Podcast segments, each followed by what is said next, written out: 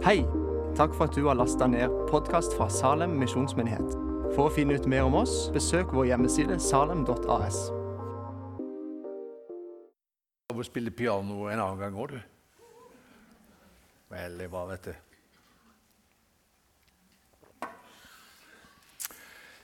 Ja, vi eh, Som møtet møteleder annonserte, er inne i en taleserie som heter 'Vekkelseshistorien viser vei'. Det er vel kanskje siste møte i den serien i dag. Og Vi skal se på livet til eh, en eh, som heter William Seymour, som levde fra 1870 til 1922. Jeg vet ikke om du har hørt om han. Han er kanskje den mest betydningsfulle svarte kirkelederen i kirkehistorien. Men før vi går inn på dette her med hans liv og erfaringer, la oss innledningsvis zoome ut litt og se på noen oversikter eh, på utbredelsen av kristen tro i verden. Den første her den handler egentlig ikke bare om kristen tro, men den er interessant, synes jeg, for den viser forholdet mellom religiøse og ikke-religiøse i verden. Og da er liksom alle religioner talt med. Og da ser vi eh, noe interessant, at de som har en tro, er jo en absolutt majoritet i forhold til de som eh, regner seg som ateister. Og nå er det ateisme også egentlig en type tro, da, men det er en annen sak. Men religiøse og ikke-religiøse. Og vi ser at eh, antall religiøse vokser i verden. Og antall ateister blir mindre og mindre. Så selv om Norge sekulariseres, for det, det, det, gjør det, så blir ikke verden mer og mer sekulær. Ateistene har en tapt sak.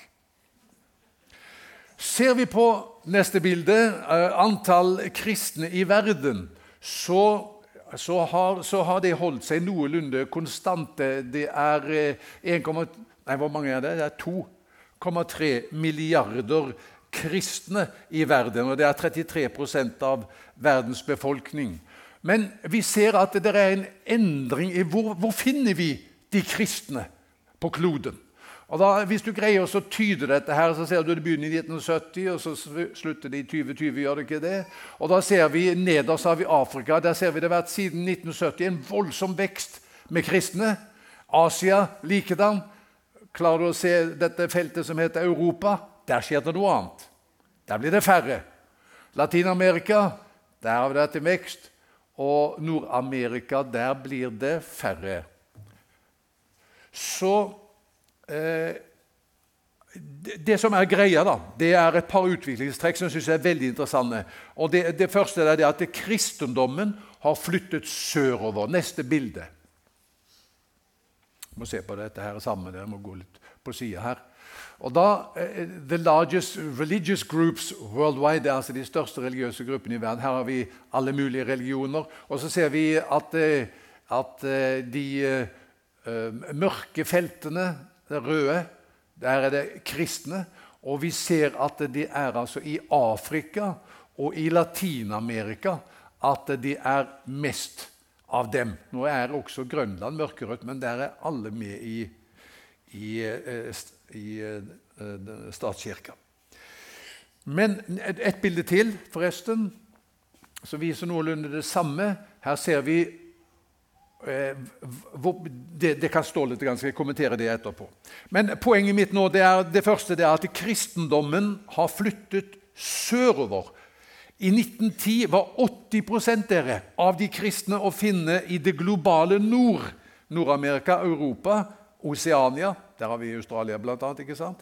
Men i dag er flertallet, 66% av verdens kristne i det globale sør. Asia, Afrika, Latin-Amerika. I 2050, det er ikke så lenge til, vil de landene som har flest kristne, være og nå tar jeg dem i rekkefølge USA, og så kommer Brasil, Mexico, Nigeria, Kongo, Etiopia, Filippinene, Kina. Kristendommen har flyttet sørover. Den episkopale kirka i Amerika er liberal. Og i Afrika er den samme episkopale kirke konservativ. Og de har sagt klart ifra til den liberale episkopale kirka i USA at de er urolige over denne utviklingen. Da svarte lederne i USA til lederne i Afrika. Så sa de, 'Unnskyld, men hvem er dere?' Da svarte Afrika med å si, 'Unnskyld, men hvem er dere, da?' I Amerika teller dere to millioner. I Nigeria alene er vi 25 millioner. Da ble det litt stille blant de episkopale lederne i Amerika. Så, så, det er det ene. Kristendommen har flyttet sørover. Vi ser derfor også i den katolske kirke at paven kommer fra Argentina. Han kommer sørfra. Ok, Det er det ene. Og det andre det er at kristendommen har endret karakter og er blitt mer karismatisk. Majoriteten av kristne finnes den, eh, i det globale sør. Og den kristendommen som vi ser der, den er karismatisk. Man legger vekt på å erfare åndens kraft. Man legger vekt på drømmer og syner og profetier. Man tror på engler og demoner. Man praktiserer nådegaver, helbreder syke og driver ut onde ånder. Det er den kristendommen som er på fremmarsj verden over i det globale sør, får vi si da. I dag er det 650 millioner karismatikere i verden. Det er mye. I 2050 vil det være to poler i den kristne verden. Katolikkene vil være 1 milliard, og karismatikerne 1 milliard. Så det er utvikling, et utviklingstrekk i form av at kristendommen altså blir mer karismatisk, sånn som jeg beskrev det. La meg fortelle fra en gudstjeneste i Afrika. Det kunne være hvor som helst. Skal du gjette hvilket kirkesamfunn etterpå? En veldig typisk gudstjeneste i Afrika. Etter prekenen sto en dame frem og sa 'Jeg er blitt helbredet for en ryggplage'. Da reiste en annen dame seg og sa 'Det er jeg blitt også'. Og En tredje dame fortalte og jeg er blitt helbredet fra sånn og sånn. Og den ene etter den andre, møtelederen, som hadde lyst til å avslutte møtet, sa nå har vi ikke plass til flere individuelle vitnesbyrd i dag. Hvor mange er blitt helbredet for denne sykdommen? Så en sykdom. Så er det tolv som reiser seg. Ok? Så Hvor mange er blitt helbredet for denne sykdommen? Så er det 15 som reiser seg. Hvor mange er blitt helbredet for denne sykdommen? Ja, Så var det 7-8. Så han måtte liksom ta det litt sånn kollektivt på slutten for å finne, finne en avslutning på møtet. Hvilken kirke tror du det var? En katolsk. Så det er liksom noe med dette at eh, kristendommen i alle sammenhenger blir mer karismatisk. Og Det viktigste skriftavsnittet hørte jeg i et foredrag eh, som man har i, det, i, i, i, afrikansk kristendom. Det er Jakob 5, 14-16. Der står det Er noen blant dere syke? Han kalte seg menighetens eldste. Og de skal salve ham og be over ham i Herrens navn. Hørte jeg et foredrag om, om afrikansk kristendom. Ok, og Dette bildet her da, som jeg lov til å komme tilbake til, det viser hvor vi finner Eh, utbredelsen av eh, eh, karismatisk kristendom. Ok, nok om det. Da har jeg lyst til å spørre hvordan begynte dette? Altså I 2050 er det 1 milliard karismatiske kristne i verden. Hvordan begynte det? Og Da er vi tilbake til han som jeg nevnte, William Seymour denne sorte predikanten som i januar 1906 kom til Los Angeles, kalt av en liten menighet, en liten gruppe kristne som søkte et dypere liv i Gud. Så var Det sånn at det begynte ganske ugreit for Seymour, for det oppsto en konflikt mellom menigheten, som kalte ham, og ham selv. For han hadde møtt noen som talte i tunger, og mente at tungetallet var et tegn på dåpen i Den hellige ånd. Han la også vekt på helbredelse, og begge deler var uvant for dem. Dermed så ble de så irritert på han at de rett og slett sperret døra. De blokkerte døra fra innsida, sånn at han ikke kunne komme inn til møtelokalet som var deres. Da eh, responderte Seymour med å be og faste i dagevis. Han eh, gikk nesten ikke ut fra det lille rommet sitt som han hadde, fikk eh, drikke, men ellers søkte Gud eh, i dagevis i bønn og faste. Og folk ble fascinert over hans gudsfrukt og begynte å lytte til det han hadde å si. Det fulgte noen måneder eh, preget av intens åndelig søken. 9.4.1906 kom gjennombruddet. Seymour hadde salvet og bedt for en vaktmester som med ett brøt ut i tungetale, fortelles det. Endelig, ropte vaktmesteren. This is it! Dette er det! Og sammen gikk de til kveldsmøtet. Men Seymour fortelles det, ble aldri ferdig med prekenen sin. Vaktmesteren løftet hendene og brøt ut i tungetale. Som av en usynlig kraft ble hele forsamlingen like som feid på kne, og det kunne høres gledesutbrudd og tungetale over hele forsamlingen. Hun, som senere ble Simors kone, satte seg ved pianoet, enda hun ikke kunne spille, og spilte og sang feilfritt i en stemme de siden ville huske, fordi det var så vakkert, sier de. Og hun sang på seks språk som hun ikke hadde lært, med tolkninger på hver av disse seks språkene. Fransk, spansk, latin, gresk, hebraisk og hindustani. Slå den! I tre dager fortsatte den lille bønnegruppen av kokker, vaktmestere, jernbanearbeidere og vaskedamer å tilbe. Til tider ropte de så høyt, fortelles det, at alle kunne høre det. Andre ganger senka det seg en guddommelig stillhet over dem. Noen falt i transe og var borte i tre, fire, fem timer. Og helbredelser det fant sted hele tiden. En sier det slik, som var blitt helbredet. Støyen jeg vet ikke hvorfor han kalte det det, men han kalte det det. Støyen fra den veldige åndsutgytelsen dro meg til disse møtene i Los Angeles. Jeg hadde vært et omvandrende apotek hele livet, med svake lunger og kreft. Da de så på meg, sa de, 'Barn, Gud vil helbrede deg.' I de dagene av så sterk åndsutgytelse så var det slik at sa de at Gud ville helbrede deg, så ble du det. Det har gått 33 år siden den gangen, og jeg har aldri returnert til legene eller de gamle medisinene. Takk Gud! Han frelste meg, døpte meg i Den hellige ånd, helbredet meg og sendte meg jublende ut i livet igjen. Et vitnesbyrd fra, fra den tida. Utenfor samla grupper av mennesker seg som ærbødig sa Nå faller Guds kraft igjen, som i apostlenes gjerninger.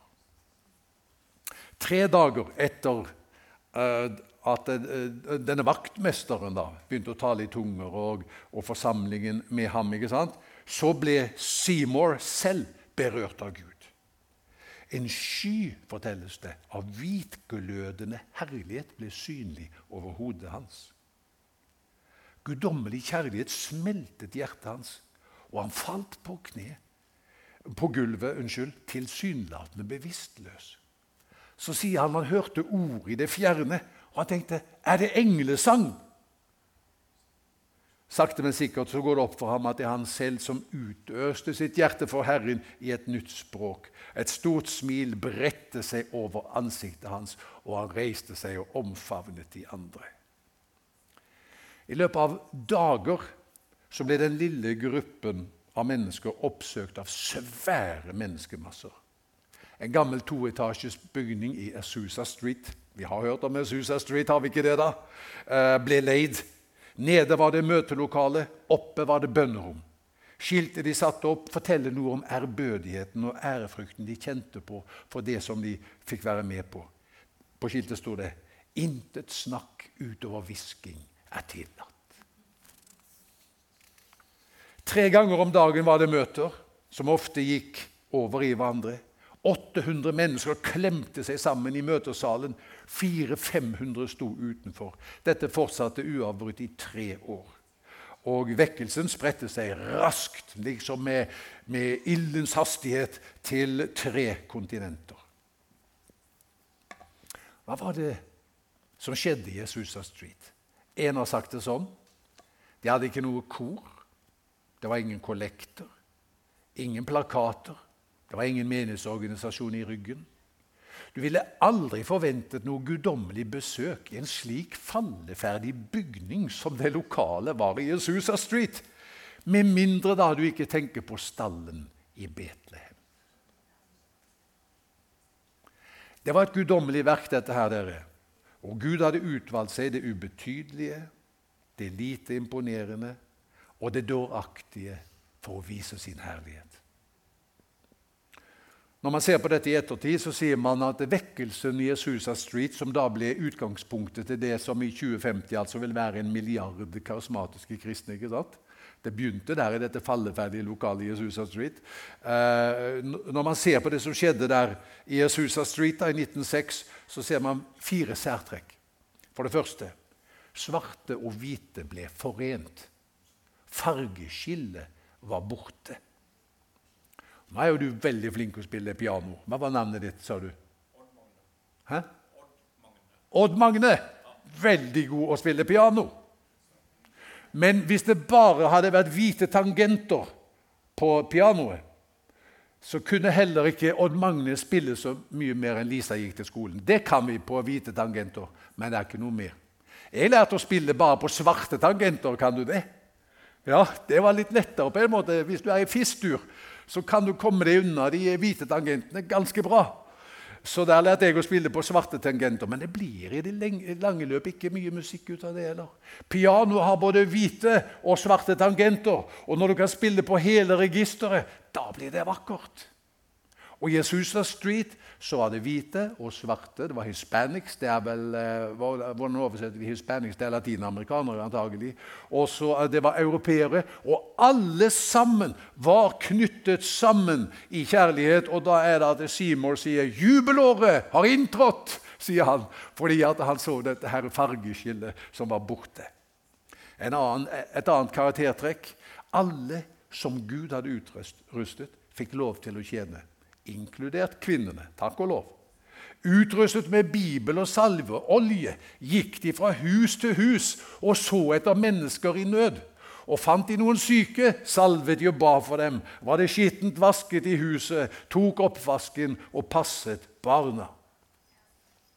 Tredje, Seymour sier selv at det var kristen kjærlighet som var det fremste kjennetegnet på denne åndsutgytelsen. Guddommelig kjærlighet var standarden. Jesus-standarden snakket de om. Eller også Esusa-standarden. Guddommelig kjærlighet. Senere leder gjorde tungetallet til selve tegnet på åndsdåp, men Seymour så det ikke sånn. Hør hva han sier. Tungetale er ett av tegnene på at du er åndsdøpt. Men det er ikke det viktigste. Blir du sint? Snakker du vondt om andre? Svarer du med samme mynt? Bryr jeg meg ikke om hvor mange tunger du har. Du er ikke døpt i ånden da. Pinse får oss til å elske Jesus mer og våre søsken mer. Det gjør oss til en eneste stor familie. Så velkommen til Kristiansand misjonskirke symfoniorkester. Ikke sant? En eneste stor familie. Det er Den hellige ånd som gjør det. Seymour var også selv, og det er det fjerde jeg vil si da når man ser tilbake på dette, en hellig mann. Hva vil det si å være hellig? Det er å være reservert for Gud. Av og til når vi kommer inn her, det er ikke så ofte, men av og til så ligger det noen lapper på. 'Reservert', står det.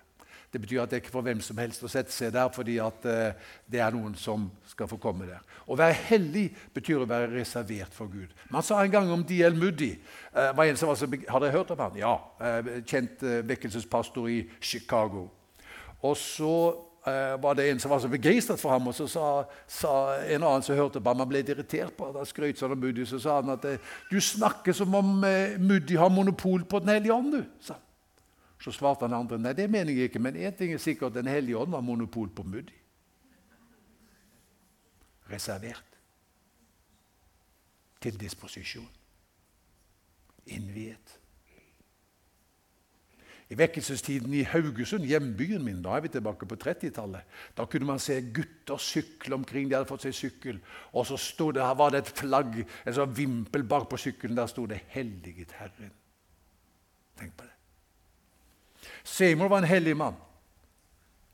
Og det var hans karakter som gjorde at folk fortsatte å komme til disse enkle møtene. skulle du høre. Han er den mest ydmyke personen jeg noen gang har møtt. Han er så fylt av Gud at du kan merke kjærligheten og kraften når du kommer i nærheten av ham. Folk sang litt, men det rørte ikke ved hjertet mitt. er det en som sier. De knelte i bønn. Det beveget heller ikke hjertet mitt. Til slutt reiste han seg, denne store, svarte mannen, og han sa, 'Halleluja'. Det gikk rett i sjelen på meg. Han ventet et minutt, så sa han på nytt, 'Halleluja'. Da tenkte jeg, 'Gud, jeg har hørt røsten fra himmelen.' Endelig har jeg hørt det. Han har det mitt hjerte lengter etter. Stilig. Så må jeg også si, da Han, eh, han brydde seg ikke om hva folk tenkte. Kanskje det er sånn når man er heldig i Herren. Så rart nok Men de første årene, når det var som sterkest i denne menigheten Jeg vet ikke om dere vil anbefale eh, noen hovedpastor å kopiere ham på det, men de første årene når det var som sterkest i denne menigheten, da satt han med en appelsinkasse over hodet til han hadde fått noe fra Herren. Han liksom stengte verden ute, satt der med appelsinkassen over hodet. Og de tenkte 'Hvem er den mannen?' Og når han så tok appelsinkassen av hodet og reiste seg, så hørte de Herrens tiltale og kraftfulle profetiske ord. Det er interessant. Så det var, Nå har vi altså sett at det er karismatisk kristendom den sprer seg over hele den sørlige halvkule. Og det er fremtidens kristendom. Og vi har sett hvordan det begynte med, med denne mannen. Hva kan vi lære? Det er mitt siste punkt. da. Hva kan vi lære? Hva er styrken i denne karismatiske strømmen fra Susa Street? For det første vil jeg si det er en korreksjon til vår tendens til å ville temme Gud. Vi vil gjerne kontrollere Ånden. Når alt kommer til alt vi ønsker oss, en hyggelig og ordentlig Gud. Gjør vi ikke det? Men i Apostelens gjerninger 2 Når Gud møter de 120 der på Øvresalen, så er det to fenomener som viser seg samtidig. Det ene det er ild, og det andre det er vind. Ild er vanskelig å kontrollere. Vind, hvordan skal vi kunne temme vinden? Og ser du for deg vind og ild samtidig? Hvordan skal man kunne håndtere og temme det? Man kan ikke det. Det handler om å slippe det til og gi det en mulighet i livet vårt til å prege oss. Det var det de gjorde. Og på den måten, i Apostelens gjerninger 2, da, så ser vi at de blir grepet av noe som siden kom til å påvirke hele deres verden. Det kan jo gi seg mange uttrykk, dette. Jeg har mange ganger tenkt på Blaise Pascal. Han har vi jo hørt om. ikke sant? Eh, Pascal, matematiker, fysiker, filosof, teolog. Han har jo den lille boka 'Pascals tanker', som er, ikke er dum. Han, når, når han var død, så fant de i jakka hans Han hadde sydd noe på fòret på innsida. Han hadde sydd noe som han hadde skrevet. Og det Overskriften var 'minnesmerke'. Og der sto det I det nådens år 1654, mandag den 23. november fra omtrent halv ti om kvelden til omtrent halv ett ild. Abrahams Gud, Isaks Gud og Jakobs Gud. Ikke filosofenes og de lærdes Gud. Visshet, visshet, følelse, glede, fred. Jesu Kristi Gud, min Gud og din Gud. Glede, glede, glede. Gledestårer. La meg aldri bli atskilt fra ham. La meg være fullstendig underordnet Jesus Kristus. For evig full av glede på grunn av en dags opplæring på jorden. Hva var det han møtte?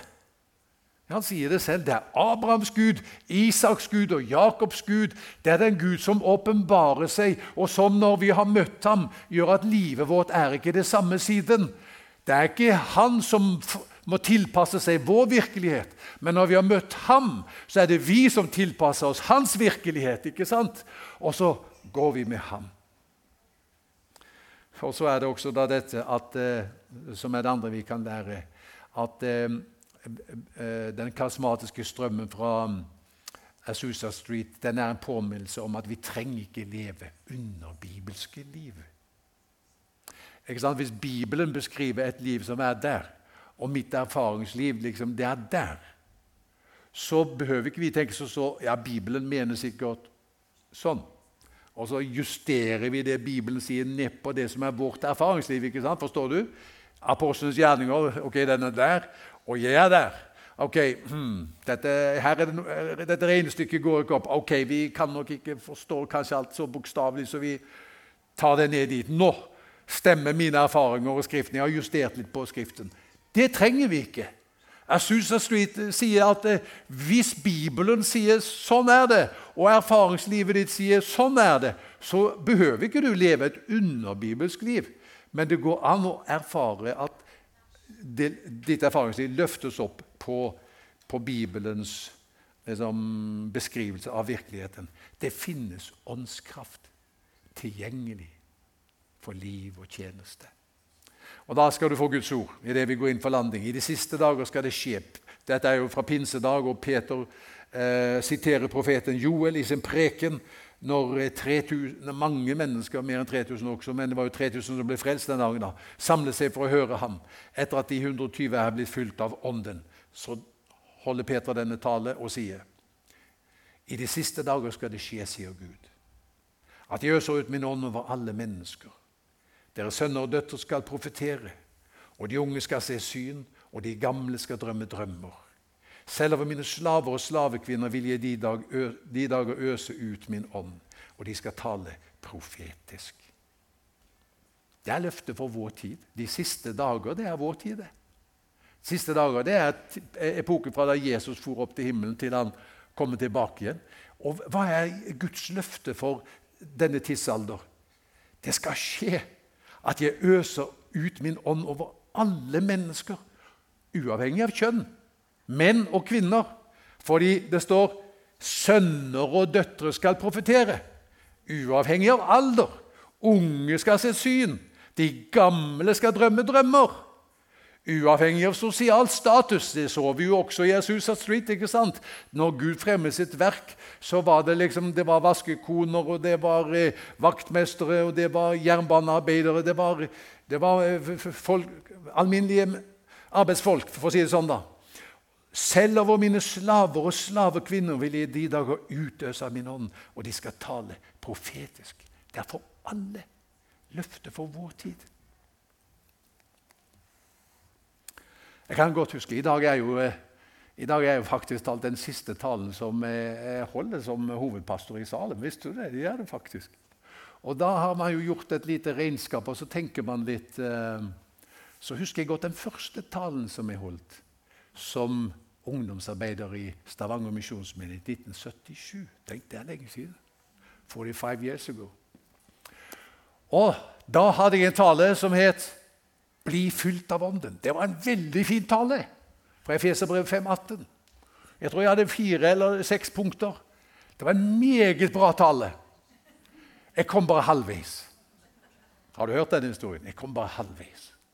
Midt i talen så er det ingen som fulgte med lenger. Så jeg kunne bare lukke Bibelen sammen. Der nede talte de i tunger. Der borte var det noen som gråt. Og de falt på kne. Han satt og lo. Hun frydet seg i Herren. Det var et virvar over hele møtelokalet av lovprisning og gråt og tungetale og sang og bønn om hverandre. Og jeg tenkte, Det var den første talen jeg holdt, Torbjørn. Tenk på det. Jeg tenkte det kan ikke finnes noe bedre enn å være predikant. Tenk å få oppleve noe sånt som dette.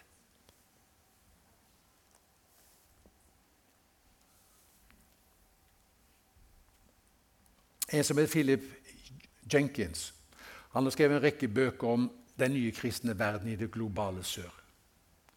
Og Så forteller han etter et foredrag som han holdt i USA at en rik eh, dame fra en, den episkopale kirke i USA kom til ham og sa Jenkins, du har fortalt oss om millioner av kristne i Afrika og den nye kristne verden som står fram.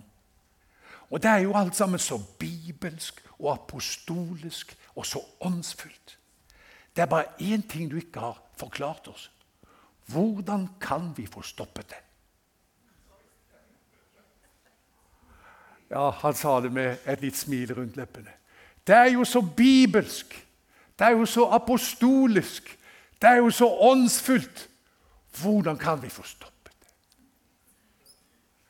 Da sier jeg, kjære Jesus, der er ikke jeg. Jeg sier, kjære Jesus, hvordan kan vi få mer av det? Og som Jeg sier, jeg opplevde det som en ung mann. Første talen så fikk jeg et lite glimt av hvordan det kan være. Nå er jeg her på avslutningen av en pastortjeneste. Jeg skal ikke slutte å preke. Jeg håper jeg kan preke mer enn noen gang, for nå skal jeg bruke min tjeneste nettopp til det. Å forkynne og undervise. Så det er greit, og jeg gleder meg til det. Men tenk om også i dette møtet, da. Jeg har sagt det til Jesus. Du behøver ikke gjøre det, men jeg har sagt det til ham. Det hadde vært utrolig fint. Om det på det siste møtet også var sånn at det var noen som ble fulgt av Den hellige ånd. Det ser så svart ut i Europa, sa Alan Roxburgh, min gode venn, professoren med tre doktorgrader, når han snakket med overlorden i, eh, nei, lorden i Overhuset i England. Det ser så svart ut. Han var jøde, denne lorden. Jeg tror nesten ikke at, at Europa kan Kan Europa få nytt liv? Så sier denne jøden, overlorden Nei, ok, lorden i Overhuset, sier han. Alan, don't forget the bones. Husker du den historien? Esekiel ser utover dalen. Det er bare døde ben. Og Gud sier til ham, 'Kan disse ben bli levende?' Så sier Esekiel, 'Det ser forferdelig vanskelig ut.' Men du vet det, Herre. Så sier Gud, 'Tal profetisk til disse døde ben'. Så gjorde jeg det, sa Så begynte jeg å tale til de døde ben. Da begynte det å buldre og skjelve. Så la de seg inntil hverandre ben ved ben. Men liv var det ikke i dem. Da fikk jeg høre 'tal til livsånden' og si 'Kom du, livsånde, fra de fire vinder, og blås på disse drepte menn' eller disse døde ben, at de kan bli levende'. Da talte jeg til livsånden. Så kom det liv i dem. Så reiste de seg og ble stående, og så står det i Esekiel, og de var en stor armé. Alan, don't forget the bones. Også på dette møtet så er han her, og han sier, 'Jeg vil fylle deg med min hånd'. La oss be. Far i himmelen, vi takker deg for det som begynte i dette falleferdige lokalet i Azusa Street i 1906. Og som altså i 2050 så er det en milliard som takker for det som skjedde den gang. Og så priser vi deg, Herre, for det du har gjort i livet vårt. Så ber vi også denne dagen at eh, du skal røre ved oss, for vi trenger det, Herre, vi som er i Europa. Dette som var kristent, men nå har kristendommen på mange måter gjort som trekkfuglen og flyttet sørover. Men vi ber, Herre, vi glemmer ikke benene. Vi glemmer ikke de døde ben i dalen. Og vi ber, gi oss liv på ny, så ditt folk kan glede seg i deg. Gi oss liv på ny, så vi kan påvirke våre omgivelser. Fyll oss med din ånd, så ikke vi blir lik verden, men verden blir lik oss, i den forstand at ditt rike har fremgang. Så siden du sa, Herre, at eh, du skulle utøse din ånd over alle mennesker, så ber jeg det for de unge som er her i dag. Fyll dem med Den hellige ånd. Jeg ber det for de gamle som er her i dag. Fyll dem med Den hellige ånd. Jeg ber det for mennene som er her i dag. Fyll dem med Den hellige ånd. Jeg ber for kvinnene som er her i dag. Fyll dem med Den hellige ånd. Rør oss, Herre. Rør ved oss i Jesu